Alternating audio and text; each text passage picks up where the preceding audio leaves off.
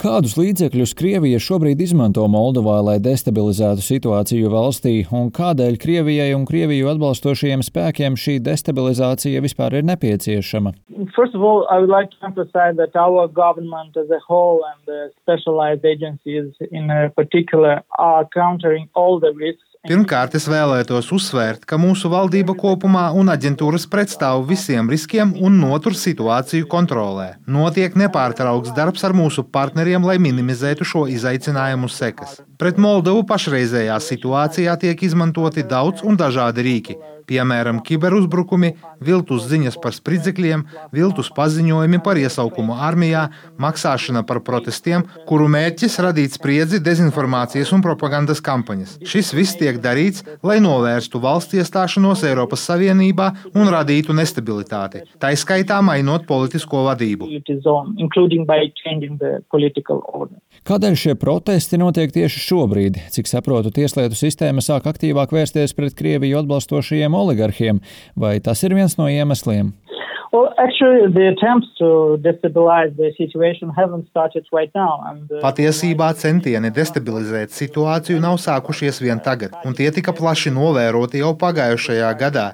Rudenī, enerģijas krīzes laikā, kad tika apstādināta gāzes piegāde, paaugstinātas cenas un centieni radīt plašu neapmierinātību sabiedrībā. Tomēr, pateicoties konsekventām Moldovas varas iestāžu darbībām un pateicoties starptautisko partneru atbalstam, lai atbalstītu sabiedrību, publisko un privāto sektoru, kā arī saistībā ar sabiedrības izpratni par kopējo situāciju, šiem destabilizācijas mēģinājumiem nebija gaidīti rezultāti. Tādēļ tagad tiek pielietotas jaunas tehnikas, par kurām minēju iepriekš, lai atkal radītu nestabilitāti, vājumu un atkarību pret Moldovas centieniem izveidot spēcīgu tiesu varu, cīņu pret korupciju, likuma varu un, protams, integrāciju Eiropas Savienībā. Pieminējāt, ka destabilizācija jau sākusies pērn enerģētikas sektorā. Kāda situācija šobrīd ir Moldovas enerģētikas nozarē, kādas ir problēmas un vai jau notiek darbi pie gatavošanās nākamajai ziemai? Uh, Jā, protams, valdība strādā aktīvi šajos jautājumos un dara to kopā ar starptautiskajiem partneriem, lai diversificētu enerģijas piegādes. Mūsu valsts ir nopirkusi elektrību un gāzi. Piemēram, esam izveidojuši gāzes glabātuves Ukrainā un Rumānijā. Būvējam lielākas voltāžas savienojumu ar Rumāniju, lai mums būtu iespēja iegūt elektrību starptautiskajos tirgos. Mēs to darām ar mūsu kaimiņu un starptautisko partneru palīdzību. Tāpat tiek īstenoti enerģijas efektivitātes un enerģijas taupīšanas pasākumi, un sabiedrība ir ļoti atsaucīga šiem valdības aicinājumiem taupīt enerģiju. Piemēram, esam izmantojuši mazāk nekā 30% no gāzes vajadzībām, ja salīdzinām to ar to pašu periodu pērn un arī elektrība tiek izmantota par 15% mazāk. Tas norāda uz to, ka valdība un sabiedrība strādā kopā, unisonā, lai izdarītu pēc iespējas vairāk, un mēs būtu gatavi ne tikai nākamajai ziemai, bet arī visu laiku. Cik noprotams, tad Moldovas atbildīgo amatpersonu vērtējumā tieši militāri draudi valstī šobrīd nepastāv. Yeah, well, the, the same thing I can uh, confirm you what uh, our Minister of Defense said. Uh, there is no. Uh, Jā, es jums varu apliecināt to pašu, ko mūsu aizsardzības ministrs ir teicis, ka nav mums tieša militāra drauda. Tas, kas notiek, ir šis intensīvais hibrīda instruments, kas tiek izmantots, īpaši dezinformācija un viltus ziņas. Tas viss tiek darīts, lai ietekmētu cilvēku prātus un pozīciju, bet, kā redzam, neviens no šiem destabilizācijas projektiem nestrādā, jo lielākā sabiedrības daļa saprot, saprot, kas notiek, un valdība un aģentūras dara savu darbu, tā izskaitā koordinācijā ar starptautiskajiem partneriem, lai izvairītos un situācija būtu mierīga un kontrolēta. Kas ir ļaunākais scenārijs, pie kā var novest Krievijas aktivitātes Moldovā? Well, you see, kind of and, uh... Mēs īsti nevaram spekulēt ar šādām lietām, un tas, ko valdībai šajā gadījumā ir jādara, un tas, ko varas iestādes būtībā arī dara, ir rūpīgi analizēt un izvērtēt vērtēt un būt gataviem jebkuram scenārijam. Līdz šim esam tikuši galā ar visām potenciālajām destabilizējošām aktivitātēm un noturējuši situāciju kontrolē un darījuši to mierīgā veidā. Pēdējā gada laikā Eiropā biežāk esam dzirdējuši par Krievijas spiegu aizturēšanām. Pieļauju, ka arī Moldovā Krievijas spiegi noteikti īsteno dažādas operācijas.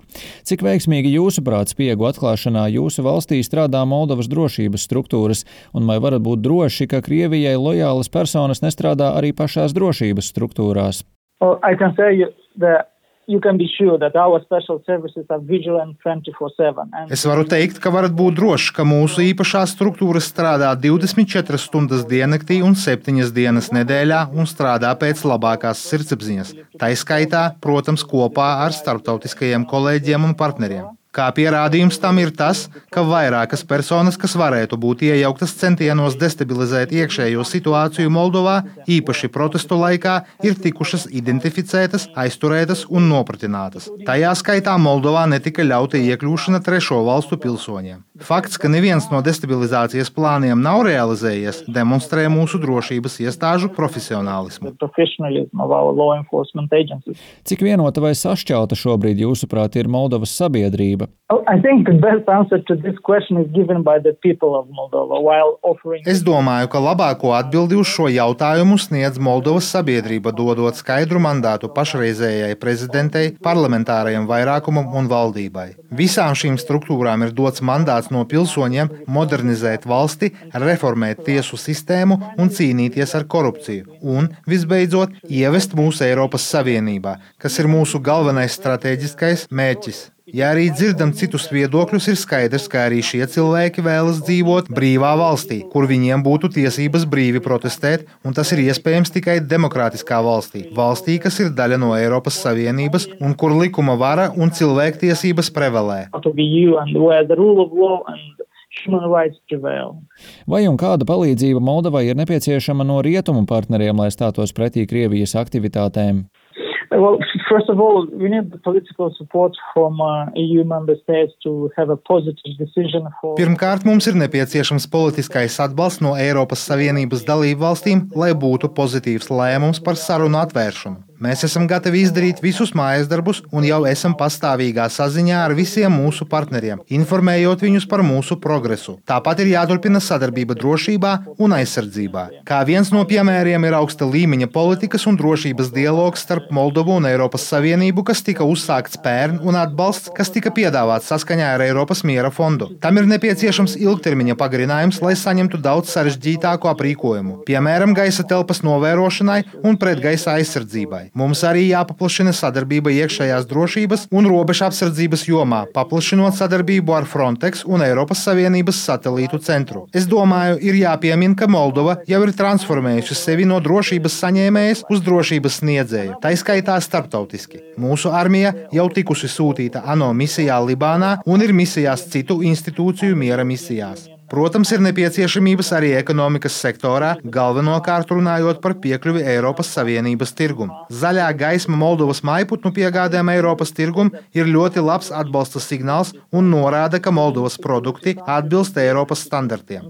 Būtu nepieciešami atvieglojumi arī augļiem un dārziņiem. Arī viesabonēšanas liberalizēšana padarītu vieglāku tiešu komunikāciju starp cilvēkiem un uzņēmējiem. Tāpat ir nepieciešama tālāka sadarbība enerģijas un transporta savienojamībā. Tas, starp citu, ļautu mums turpināt palīdzēt Ukrainai, jo caur Moldovas teritoriju uz Ukrainu nogādāti jau 1,67 miljoni tonu produktu. Būtisks apliecinājums tam, ka tiek izprasta Moldovas vēlme dot ieguldījumu drošā un plaukstošā Eiropā, ir lēmums Moldovā vasarā rīkot Eiropas politiskās kopienas samitu. Moldova var izdzīvot tikai ar ārēju atbalstu, un šis samits ir būtisks solis, lai nodrošinātu mieru mieru, drošību un eiropeisku mūsu valsts ceļu. Svarīgi ir pateikt, ka atbalsts Moldovai nav vienvirziena investīcija Moldovā. Investīcija spēcīgā Moldovā ir investīcija partnerī, kas ir spējīgs dot savu ieguldījumu ne tikai tuvākā reģiona, bet arī visas Eiropas drošībā, labklājībā un mierā. Un es domāju, ka ar savām darbībām esam parādījuši savu vēlmi pēc demokrātiskas, brīvas un mierīgas nākotnes.